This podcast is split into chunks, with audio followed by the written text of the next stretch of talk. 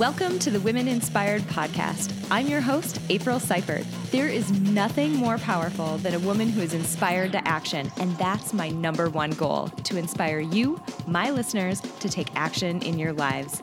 Each week, I get to interview some of the most inspiring women, and I'm bringing those interviews to you. Let's do it. Well, hey guys, welcome back to the Women Inspired Podcast. I'm your host, April Seifert, and I'm so excited for you to meet this week's guest.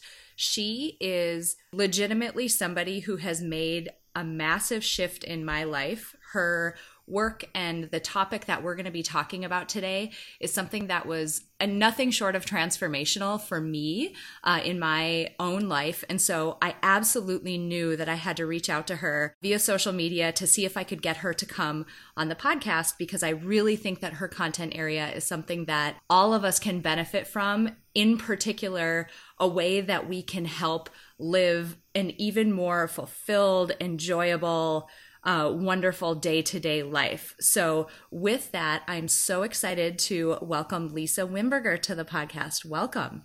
Thank you for having me. This is wonderful because I've I've sort of joked with people. I've been really looking forward to this interview for a while now, and I joked with people that when I sent you the first Instagram message that I sent you, I felt like a fangirl. I was messaging like, "Oh my god, hi, I love your stuff and I really want you to come on my podcast." It was like this fangirl message. Oh, that's so funny. Um, just ask my daughter and she'll she'll she'll uh, cut me down to a nice humble size. There's it's always humbling being the mom of a 13 year old because people will write to me that they love my work and then I'll go home and my daughter's just complaining about me. So it all balances out. She's like, Can I roll my eyes even more? Oh my gosh. I love it. Well, this is wonderful. I'm so excited to have you on and I was so pleased that you were willing to do this. Before we get launched into the amazing work that you're doing and your book and your website and all of the great stuff that you're doing, help my audience get to know you a little bit and just tell us a little bit about yourself. Well, um, I'm addicted to a bunch of things. I'm addicted to meditation. I have been my whole life, and that is a core piece for me. I am addicted to music. If I do not play it or dance to it or hear it, I'm really grumpy. I am a dancer. I am a drummer. I am a bit of a workaholic uh, in terms of spreading my message and my work to people in need. And I'm a service caregiver. I'm uh, just my whole life, I've been in service to people when they need help. That's kind of my archetype. Uh, and I'm a protective, passionate mom and a really happy wife. Um, so that's kind of like my archetype, I think. That's wonderful. That's a great way to get to know you. And I love that uh, you know, you start out by saying, I'm addicted to these things. I'm like, ooh, where is this going to go? Yeah. but it goes to great places. I love it. You're yeah. in very great company here. So, the reason why I found you is, you know, I was uh, searching through, I actually happened to be looking at audiobooks, and I came across this book called Neurosculpting. And I was really curious about it initially for very academic reasons. So, my background is uh, I have a PhD in social cognitive psychology. The plasticity of the way that we store information and the way that our brain works is something that I uh, studied in my PhD program. And so, that type of thing is always really interesting to me. I also have a bit of a background in meditation. So that part of it was was just personally interesting. But what i didn't expect and so i'll just set the audience up for why this is such a big deal and why i'm so excited to have you on what i didn't expect was the amazing shift that would happen to me as I was listening to your book and actually doing the exercises in the book. So, the very quick backstory, and I'm actually planning on recording an episode where I go into this a little more. So, probably by the time this comes out, there will have been a preview episode with a bit more detail on this backstory. But when I had my first child, I actually experienced pretty severe postpartum depression, mm. like a mm. lot of us do. I mean, it's it's incredibly common for women to experience that after they have children. And as a result of the experiences that I had when I was really struggling with that, I was left with best way I can describe it is PTSD like symptoms. So, certain situations, very specific triggers would almost, the best way I've been able to describe it is it would break my brain. Like, I would lose the ability to focus, to think logically, to regulate my emotions and calm myself down. I was just incredibly anxious in these very specific situations. So that was not on my mind at all. I picked up your book. I started mm-hmm. doing these exercises, and throughout the variety of exercises that were in the book, my mind instantly started going to these triggering situations. And that's what I ended up working on in the book. Shockingly, it made the biggest shift that I can even describe. And so I just want my audience to understand that when I say I'm thrilled this week to have you on, I absolutely am because your work is so transformational. I love to hear that. My entire mission is to give pragmatic application based tools to people. I'm a tool girl. I like concrete practices, mostly because I didn't have any concrete application for my meditation practice for decades. Mm. My meditate when I said earlier I was addicted, I meant that in both the positive and the negative sense. When I first started meditating as a child, it was not for my greater good. It was an escape. It was an absolute dissociative escape. And it was for me for decades.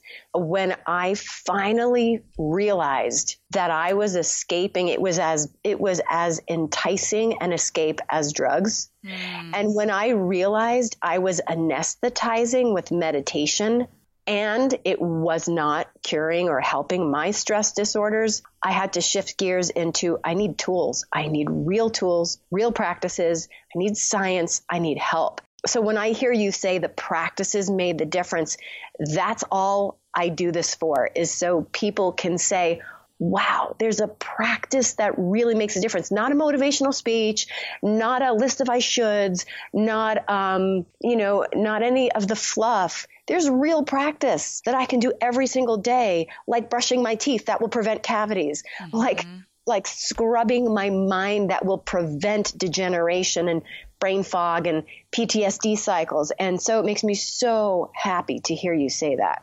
Oh, it was it, it was night and day.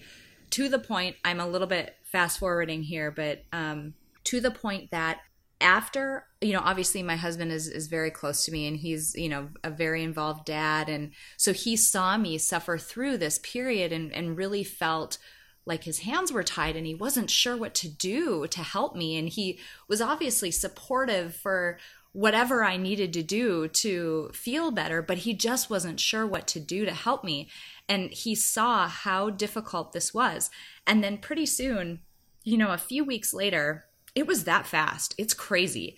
A few weeks later, after I had been practicing these exercises really religiously, he came to me and he said, What did you do? Like, wow, you are different. What did you do? I haven't gotten a text message where you've felt panicked. You seem so different. What happened? Like, it wow. was so noticeable that my husband came to me and, and said that. Oh my God. I crazy. love that. So tell my audience, we've mentioned that it's neurosculpting, right? Tell my audience mm. what that is and how you stumbled upon it, coming from, you know, being addicted to meditation as this escape and a way to sort of numb things. How did you get from that to this and what is it? Yeah. So, okay. So here's the backstory. I had a lot of physical trauma growing up. I had an undiagnosed seizure disorder since I was 15. I had all sorts of accidents and traumas, and um, but mostly the seizure disorder that was plaguing me was the root of what neurosculpting, why neurosculpting emerged. So backwards, seizure disorder, in denial, undiagnosed, and internalizing stress and dissociating as predominant archetype for my um, experience in this world. Fast forward to I'm 30. I'm in a doctor's office and I have a grand mal seizure for the very first time and actually in front of a doctor. This is why it was undiagnosed because they always happened at home. I did have blood tests. No one knew what was up. I was not epileptic. So this was the first time I had one in front of a doctor and I flatlined. And when I came to, um, he said, you didn't tell me you had a disorder, the seizure disorder. And I looked at him like he was crazy. Oh. Even though this has been happening since I was 15, I had no idea they were seizures. I had no idea they were grand mal seizures. I just was confused as to why I was waking up thinking I urinated myself or defecated or was vomiting on the floor or couldn't move. And I just hid it out of shame. Um, wow. Um, so when I had it in his office, I, I, woke up to a needle of atropine loaded. He was ready to resuscitate me. That's what you do with a heart that has stopped. I was drenched. I thought I had urinated myself again. And he said, You didn't tell me you had this disorder. And he gave me a, the biggest gift of my life. He said, You had a grand mal seizure, you flatlined. And I said, This has been happening since I was 15. And he said, You need help. So they determined after tests I was not epileptic. What they told me was that I had a vasovagal seizure disorder that was exacerbated by stress. Uh. And when I heard that, I said, Are you kidding me? I've been meditating for most of my life. I come from a first world, middle class, fairly benevolent lifestyle. What could be so bad that my nervous system couldn't handle normal day to day stress. And this was the light bulb that said, Lisa, your meditation practice is a bunch of escape. It's not doing what it's supposed to do, and you better fix this. So I had to study the um, vagus nerve that he told me was the root of my seizures, which led me to neuroscience, which led me to neuroplasticity, which led me to reading uh, abstract and experiment and, and paper after paper that said the brain can adapt if we know how to tease it into focused awareness. Mm-hmm. If we know how to subdue the hijacking parts and tease into activity the parts that could change things. And so, what science gave me was this um, all the keys, all the equations necessary to do that. And so, I backwards engineered my meditation practice. I ripped it apart and realized it was missing steps, structure, it was missing a strategic way into the brain. It was a shot in the dark hoping to land, and that's not working for me. So I put science structure like an equation to a brain training process that pulled the best parts of my meditation practices and added a whole bunch of new things that are also present in a lot of hypnotherapy. And I practiced on myself. And what I ended up doing 11 years ago was in training my response. I adapted my seizure response. So I adapted the moment I got a seizure halo and I changed what that did to my body through rehearsal, through a year's worth of focused attention and rehearsal with this process. And I inter- I circumvented my first seizure 11 years ago and never had another one since. Now I've had seizure halos and I just engage with this process immediately and I never had one since. And at that point, when I interrupted my first seizure, I literally, a couple weeks later, gave notice at my job. I was a project manager at a very large consulting firm. And I said, I need to dedicate my life to sharing these tools because I just got a second chance because I knew if I flatlined one more time, I wasn't coming back because my very last seizure, I couldn't breathe on my own anymore. And I had to have my husband for over the course of an hour make sure that I was breathing every time I stopped. Um, so I knew it was getting so bad that it was a life threat. And so once I found my cure, my tools, I literally d- devoted my life to it. I quit my job a few months later. I had no money.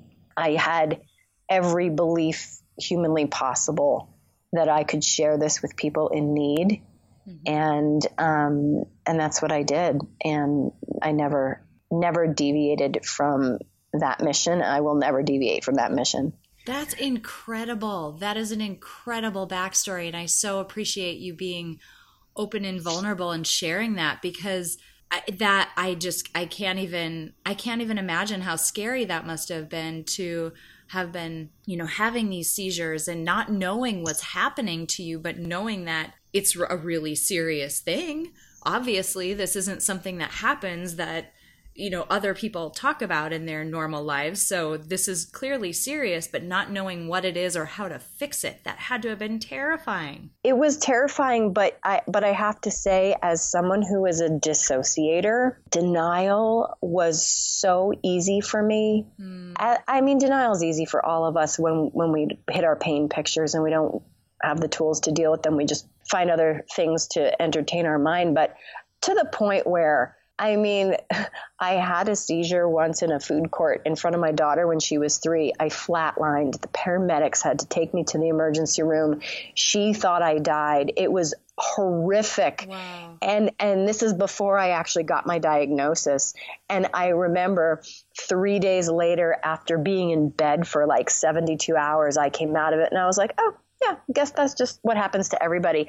And instantly went back into denial, pretending it never happened decades of pretending it never happened, sometimes I'm a little bit slow. When I look back, I'm like, hmm, I don't think my dissociation was helping me any. Oh my gosh. Oh my gosh. That's incredible. So you've mentioned meditation and, and I, like I said, after going through your book and the exercises in the book, I totally get it. I totally get why, because, uh, you know, I also said I, I have this history of meditation as well. I did quite a bit of it when I was in, I had a very high stress corporate job for a number of years and it got to the point where I was having a hard time managing the amount of stress that was on me and so I was using that as a way to sort of regulate and help me out because that's what people say, right? When you're stressed out, you should meditate. Okay, cool. Right. That's what I'm going to do. And so I kind of went on the aimless journey that you were on. Like, I don't know. Do I sit here and count my breaths? Do I just like sit here right. and try not to think? Like, I'm going to listen to this, like, YouTube video and hopefully that'll help. And to be honest, after I would say several months, it did sort of start to help. Like I would mm-hmm. I would find myself in these anxious situations and I would begin counting my breaths instead of engaging with the anxiety. So there was mm-hmm. some positive there. I don't want to dog on you know typical traditional meditation because I think there is positive there. But when I started doing the exercises in your book, which are I don't want to say they're very different, but they're they're noticeably different and they're much more not structure is not the right word. There's a pattern to them and there's a method to them. When mm-hmm. I started doing those, we're talking a matter of weeks. It was a massive shift. So tell mm-hmm. us a little bit about the method that you use that you've developed mm-hmm. and how that's different from typical meditation that other people may have done. Yeah. So the meditation that I've done, just because I'll speak from my experience, I've trained in transcendental meditation, ascension meditation, and I've also done like three to four years of formal study with the Berkeley Psychic Institute, which has a lot of energetic kind of visual, creative visual meditations. I have a, a lot of different forms. Um, not one of them methodically sub, um, asks the hijacking part of the brain to submit while simultaneously upregulating the focused attention centers while simultaneously helping us cross from left to right hemisphere across the midline boosting neuroplasticity while simultaneously um, giving us the option to create post meditation triggers so we can re-trigger the meditation in day-to-day life none of them do that mm-hmm. all of them are beautiful and beneficial in regulating stress. So all the meditations I've done have helped me calm down in the moment. So I'm going to give you this this analogy. Let's say you have an infection un, in, in the nerve of a tooth and now you have gum infection and you have terrible breath. The meditation, the way I was using it in the past was like washing with mouthwash every time my breath got offensive. Mm it was not going to the root nerve and um, fixing the infection. It was mitigating the symptoms. Neurosculpting, because of its process, goes to the root and deals with the infection or the belief or the pattern. So, meditation, my traditional forms are kind of like the first step of the neurosculpting five step process, meaning look at your breath, settle into the moment, feel your body right here, all these things which start to downregulate the stress cycle. But that's where the meditations always have stopped for me. Yeah. Where now where we need to go to get to root patterns that have been entrained over a lifetime through trauma and stress and experience is we have to go far underneath that. That's the first step to make the brain receptive to, okay, I'll do the work. Now what? So then the next step is I have to tease the front part of my brain into high activity because that's going to be able to go to the pattern in the story and edit it or even craft a new one. From there, let's say now I start getting to the root story or I start crafting a new story with high receptivity in the brain. I want to make those edits or those changes where the brain is optimized to believe that that's really happening. And that requires recruiting more lobes of the brain. The, um, when we cross the midline of the brain from left to right, right to left, through language center um, entrainment and thought entrainment, science has shown that we boost the plausibility of the experience, meaning the brain thinks, oh, more of us is involved in this process. This mm. must be mm. really important. I'm going to store this in a much more accessible manner. It's giving that story, that edit, a higher value. Yeah. And that only happens, that added value only happens when we cross the midline. Meditation doesn't help us do that specifically neurosculpting does. Also, a lot of hypnotherapy uses similar principles, which is why hypnotherapy is also so effective to getting at the root cause of things. And then the um, fourth and fifth steps after you, you know, boost the plausibility of this experience in your meditation, steps four and five allow you to create your own uniquely designed post meditation triggers, kind of like hypnosis has post hypnotic triggers, where let's say you've heard, you've heard the, you might have an idea in your head where hypnosis says, and when the clock strikes midnight, you'll suddenly bark like a dog. You know, those kind of crazy stories. yeah. Well, when the clock strikes midnight, that's a post hypnotic trigger which means in your day to day life, when you get a reminder, you will hearken back to your hypnotherapy experience. In neurosculpting, you design your post meditation triggers. You either use hand gestures or you touch your body or you give a word or, or an association so that when that comes up in daily life, your brain harkens back to your edit and strengthens it. It's like cognitive behavioral therapy, where Pavlov trained the dog to salivate at the sound of a bell, we're using these principles in neurosculpting so that, let's say you go to a mountaintop and you do this beautiful neurosculpting meditation. You don't have to go to the mountaintop once a week to ha- access this. You don't have to leave your life. You could actually make use your post meditation triggers in the car the next day and at work and in line at the bank. You could be accessing these post meditation triggers so that your meditation bleeds into your daily life so that we don't have to escape our lives to pull meditation into it. We only need to set it up from the get go so that it's accessible. That's what was missing for me was the application part of it where I had to go do these weekend meditation, cycle meditations with monks from Friday night to Sunday just to feel totally downregulated. And I did that once a month for years. And how accessible is that for people? It cost me a fortune. I couldn't do anything on the weekends. I couldn't get work done. I couldn't be social. I was there meditating from Friday through Sunday. And it was gone by Monday morning. I went back to work and that brain state I had affected was already gone and I was back to square one with my stress level for the week. And then, of course, in my mind, I don't have time to meditate throughout the week. So now I have to go book another cycle weekend for next month. And I'm counting the days till I can find relief.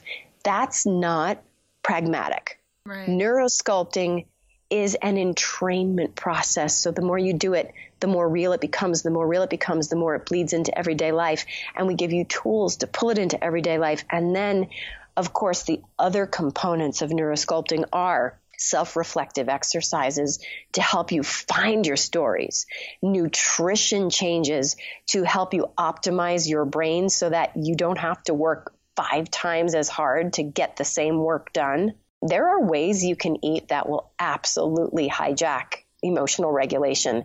And so we teach people how to eat to optimize their meditative experiences and their entrainment. We teach people about their sleep patterns and how that plays into it, their exercise and daily routines, even their social situations to help them identify all the very sneaky, subtle ways our patterns creep up.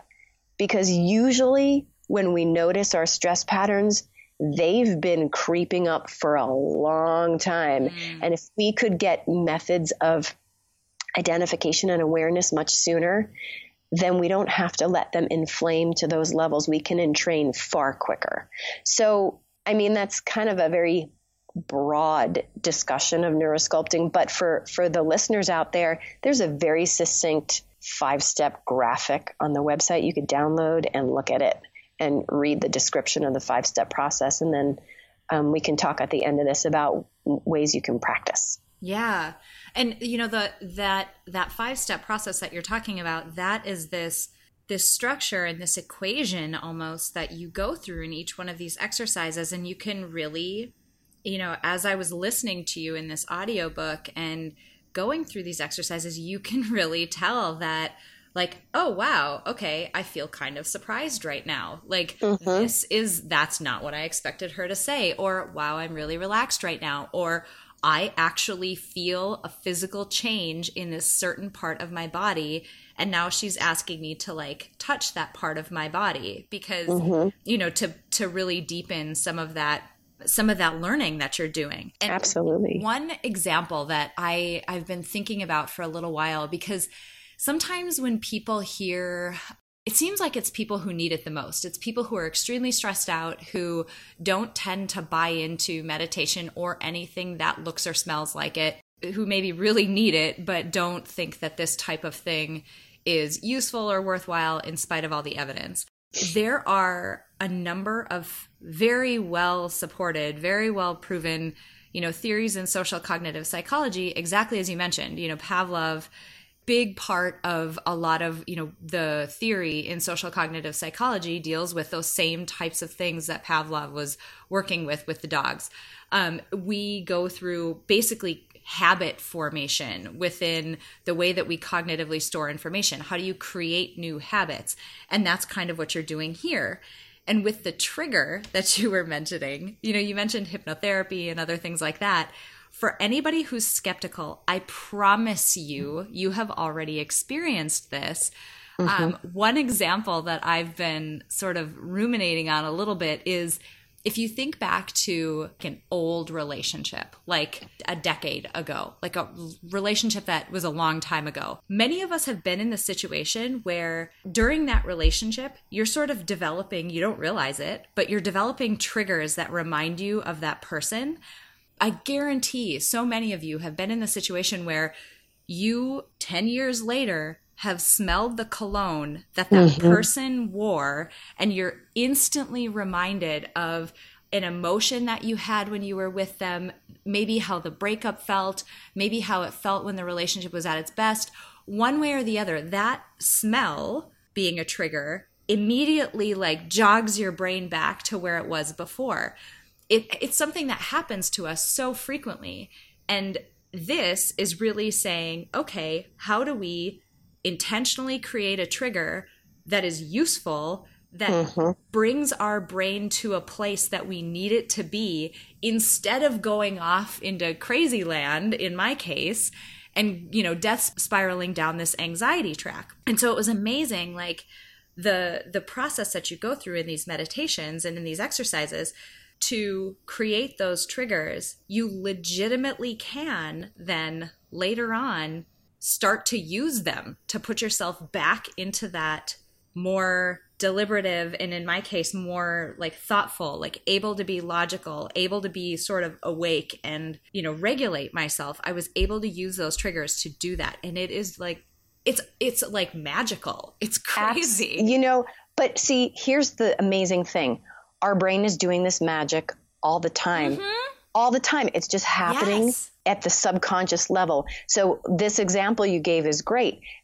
You have everyone who's listening right now has a million post hypnotic triggers yes. that they have unintentionally created in their life. The sound of that bell, the song on the radio that flashes you back to prom, the smell of the cologne that brings you back to your first love or your first breakup.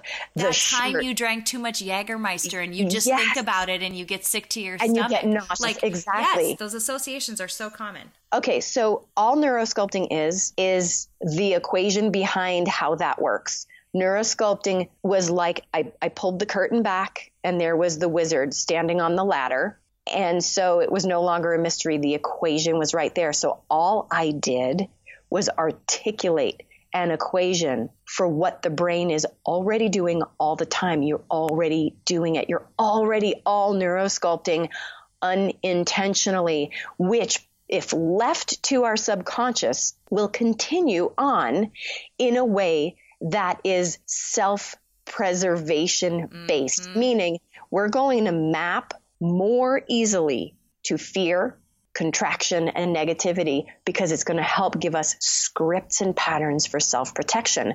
So when you know the equation of that unintentional process and you have the empirical proof that it has happened a million times in your lifetime, then all you have to do is practice the equation with intention to create all the edits and all the new stories. We're doing nothing different in neurosculpting than our brain does every single minute of the day. We're just articulating it. Yeah, absolutely. Absolutely. And some of the lead up to that, to creating those triggers, it does. It puts your brain in this position where it's very receptive to laying down new habits and forming new associations in the same way, like you mentioned, in the same way that it does when we're actually moving through life and physically having those experiences.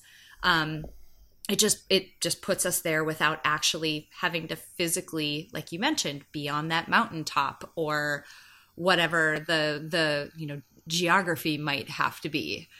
All right, I feel like we've probably sufficiently made people very curious about um, this practice and and how to get started. How would you suggest somebody get started applying? Well, first of all, actually, let's back up just a little bit. Who are the right people? Like, what is the type of thing? I've already talked about postpartum depression and PTSD, definitely there. Who, what are who are the type of people that this can help? Like, what does it help you mm-hmm. avoid or or improve right. or do? You know, I hesitate to say everyone, but my belief inside says everyone. But I'll give you a list of, of I'll give you a list of past student and client um, issues that have been successfully addressed with a neurosculpting practice. We have students that range everywhere from wanting to just increase their connection to clarity and purpose, all the way to um, depression, addiction, OCD, all the way to suicidal, sexual trauma, war trauma, first responder trauma, patterns that come with all of that spectrum. Everything from traumatic brain injury, trauma, and the emotional, mental, and physical fallout from that to seizure disorders to uh, spinal cord injury and ALS. So, so we have an extremely broad reach. We have an arm of our um, work that works with first responders, an arm of our work that works with the self help population, a whole arm of our work that um, deals with our adaptive students who are in wheelchairs, either with MS, ALS, or spinal cord injury. We have traumatic brain injury survivors who are now certified facilitators because this has been their modality of healing. And by and large, most of the student body are people trying to work through the thick mud of depression, anxiety, stress, and what they feel is like an unmanageable emotional life. I, I agree that, I mean, I can see after going through, you know, somewhat of, of a program, I don't know the book, I guess, but after going through that, I can see where everything that you named could really benefit. And also someone who just thinks, I don't know, I don't have any of that stuff. I'm just kind of normal. It's, I, I can 100% see how that, this type of practice could just throw gas on somebody who feels like, you know, their life is just normal and whatever, and I don't really have any big problems, like, oh my God, like you can really just actualize with this and get make your experience of of living day to day even better. That's who this helps. How do people get started? How can somebody uh, learn a little bit more and actually even have their first experience with these five steps that you've talked about mm-hmm. it's not something that I hadn't encountered this anywhere else and it is very um, there's a method to it and it's not just that that out of the blue you can just do this to yourself so where do people go to get their first experience right um, you go to neurosculptinginstitute.com and because i am a huge fan of pragmatic application based tools if you go to the website you can read all about the process. But specifically, if you go to the Learning Store tab and you scroll all the way to the bottom, we've got two free classes. And guess what? They're really free. You don't even have to sign up for anything. For real free, like you just click play and there's the class. Amazing. Two video classes. One is a one hour class done for stress management. The original audience was first responders, so there might be some references to very first responder like situations. The other is a one hour class that in, is a 20 minute neurosculpting practice, a 20 minute breath practice, and a 20 minute nutrition training. Ah. Um, so those are two absolutely free classes, and that is where I would suggest you start. From there, to maintain a practice. There, I've made it so that no one has excuses because I hate excuses. I made, I, you and I share I, that in common. yeah, I made them most of my life. I'm really good at at sniffing them out. So I set up the program so that you can't have any. So here's what I mean: we have classes at the institute that you could drop into live stream. Anything I teach is generally live stream. So wherever you are in the world, that's not an excuse. And then you say, but Lisa, I can't wake up in the middle of the night because I live in Europe. Well, that's not a problem because we have a learning store with audio download classes, so you can download it and do it at your own time. We also have online immersions that are self paced, that are video learning and transcripts and interactive guided meditations. All of this is in the learning store. We also on Amazon have a ton of books and audio programs in, in CD form or on Audible that you can start your practice with.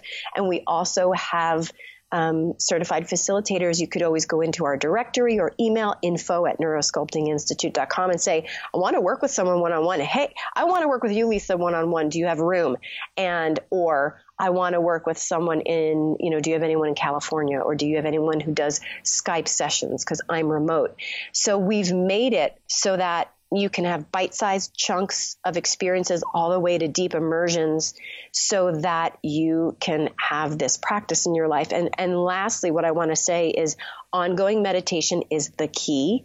So we have a membership also in the learning store. It's ridiculously cheap. It is you get two live guided live stream meditation events a month. And if you're not present for them, then they're available within 20 minutes of airing and you can download them. So you can have your monthly guided meditation every day. You get free downloads, you get our annual journal, and you get that every single month. And you get a community of online meditators.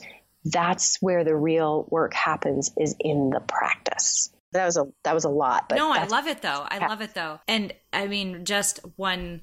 100% transparency, total full disclosure to anybody who's listening to this. Like, I'm pushing this extremely hard because, uh, like I said, I cannot, I can't overemphasize the shift and the change that was made in how I was experiencing my day to day life. So, I would, you know, these triggering events that you know happened as a result of postpartum depression it they came out of nowhere it took me the longest time we're talking months i mean like i i sympathize with you not realizing you were having seizures because i didn't even realize that there was something wrong with me as i was death spiraling into this this craziness that i was experiencing over and over and over again in the same situation. mm-hmm. Talk about being slow and not catching, you know, picking up on it.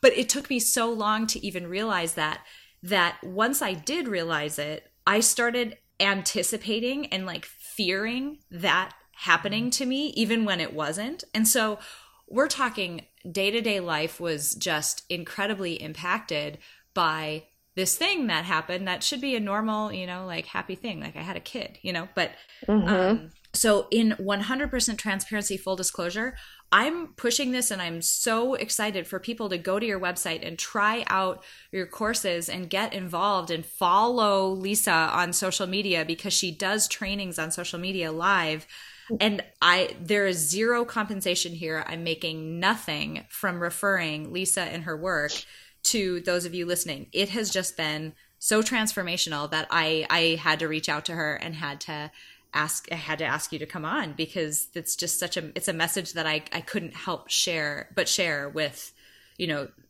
the folks who follow this podcast and and follow my follow my blog. Well, I am so thrilled. I'm always thrilled to hear from people who have used the process and found relief because that's what it did for me. And I, that's why I do it. So when I hear these stories of, oh my God, this helped, that's why I do what I do. And, and you have no idea, even when you, know, you think you're sending me a little message or, oh, is she too busy to read this? I live for those messages. Aww. And so I I love that um, it helped you, and I love that you invited me to talk to your audience because I'm I'm sure a lot of the women out there can relate to some of what we talked about. Oh, so much so, and yeah, so much so. Yes. All right. Before I let you go today, I have to ask you the final question that I ask every single person who is on the Women Inspired podcast. We have been curating a Spotify power playlist of motivational songs that people can listen to when they need a little bit of a pick me up. And as a music addict, I'm sure you can appreciate how powerful um, music can be to get you in the right state of mind to be able to go attack your day and and get the things done that you need to get done. So I have to ask you for your favorite motivational song to add to our playlist. I've got a lot, but there is one that so speaks to me, and it's not a new one. It's Jefferson Airplane. It is White Rabbit, and it is the most soul wrenching, powerful anthem for my life. It's all about one pill makes you smaller, one makes you large, and it ends with feed your head. Ah, that's so perfect. I love yes. it. Oh my yeah. God, I love it. I can't thank you enough, like I said, for taking the time and coming on, for sharing your backstory and being so open and vulnerable, and just for putting this, well, one, figuring all of this out, you know, and then being so open and devoting your life to sharing this important work with other people and creating these resources for everybody to access online it's just such a wonderful gift. And i i for one really appreciate it but i know there are countless others out there who have experienced so much positivity because of this. Um, thank you so much honestly. Oh you're so welcome. It was great to talk to you and um, i look forward to more. All right, you guys, I really, really hope you enjoyed that episode with Lisa Wimberger. I have one single thing that I want to highlight from her episode, and it is short and sweet, but extremely important. And I'm going to be super clear. If you have ever struggled with anything in the realm of mental health, whether it is depression, anxiety, something due to having a baby, postpartum depression, something else, OCD, any of the above or anything else, it is 100% worth it to try to find something that will help alleviate that issue and help you feel better. So many times on this podcast, I talk about living life to the fullest and making the most of every day and how important the time that we have is because we're not getting any more of it. That right there is why it, one of the reasons, just one, why it is so important for you to take this seriously. Take your mental health seriously. The experience that you have day to day is so determined by how your mind is working and how healthy it is and how strong it is. And it's worth it. Please take it from me as someone who has been there. It is absolutely worth it to get yourself healthy and put yourself in the best possible situation. Now, if you listen to this episode and you did not listen to the episode prior to this, where I talked about my struggle with postpartum depression and the resulting PTSD that came after that, please go back and listen to that episode. And maybe you might, or someone you know, might relate to that story or one that sounds like it in some way. Please, please reach out to a professional and get help. Do everything you can to get yourself healthy because I am telling you, I have been on both sides of that coin. I today, with a clear, strong, vibrant, healthy mind, can tell you, I remember what it felt like to be in that position where my mind was not healthy, where I wasn't feeling good, where I was white knuckling almost every day just to get through some basic things that should not have been causing me the level of anxiety that they were. I know what that was like. This is so much better than that. It is worth it. You are worth it try to get yourself help. You know, Lisa's method is something that worked for me. I encourage you to try things until you find something that does work. Talk to a therapist, talk to a counselor go to Lisa's website at the Neurosculpting Institute and try out some of her free resources or get her book on Audible. I highly suggest the audiobook to do the exercises that she has in the book because she actually guides you through several exercises during the book real time. I highly suggest you try it. You have nothing to lose, and you have this amazingly vibrant, strong, healthy mind to gain. If there's somebody in your life, maybe it's you, maybe it's someone else, who could benefit from this message, who could benefit from Lisa's work, or just needs to hear, hey, you are not alone. You are, there's nothing wrong with you. You did nothing to ask for this, but it is worth it to fix it. And it is up to you to take that step, and it's worth it. If you know somebody who needs to hear that, please share this episode with them because I'm incredibly passionate about it. I've been there. And now I'm on the other side, and I'm telling you, I'm here on the other side pulling for you. So please, please do what you can to get yourself healthy and strong and vibrant and amazing because you are worth it. Before we close out today, I want to say thank you to my producer, Cameron Hill. If you enjoyed this episode, please share it with someone else who might benefit from this content. And if you have a moment, click the link in the episode description to leave me a rating and a review on iTunes. It would mean so much to me.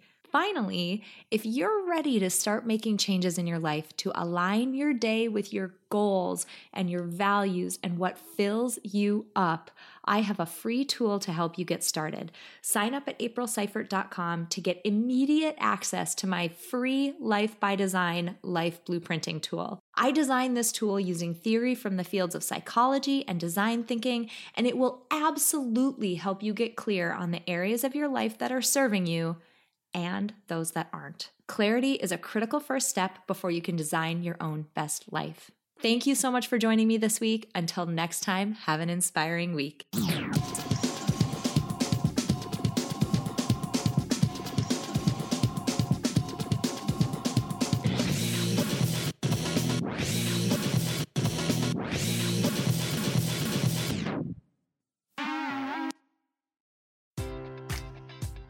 Enjoy all your favorite sports like never before at BetMGM. Sign up using code CHAMPION and receive up to $1,500 back in bonus bets if you don't win your first bet. When you register with BetMGM, you'll get instant access to a variety of parlay selection features, live betting options, and the best daily promotions in the business. And with BetMGM at your fingertips, every play and every game matters more than ever. Remember to use code CHAMPION and receive up to $1,500 back in bonus bets if you don't win your first bet. Place your money line, prop, or parlay bets with the king of sportsbooks today. BetMGM and GameSense remind you to play responsibly. See BetMGM.com for terms. 21 plus only. Virginia only. New customer offer. Subject to eligibility requirements. Rewards are non withdrawable bonus bets that expire in seven days. Gambling problem? Call 1 800 Gambler. Promotion. Promotional offer not available in Washington, D.C. At Parker, our purpose is simple. We want to make the world a better place By working more efficiently, by using more sustainable practices, by developing better technologies, we keep moving forward. With each new idea, innovation, and partnership, we're one step closer to fulfilling our purpose every single day. To find out more, visit parker.com/purpose. Parker, engineering your success.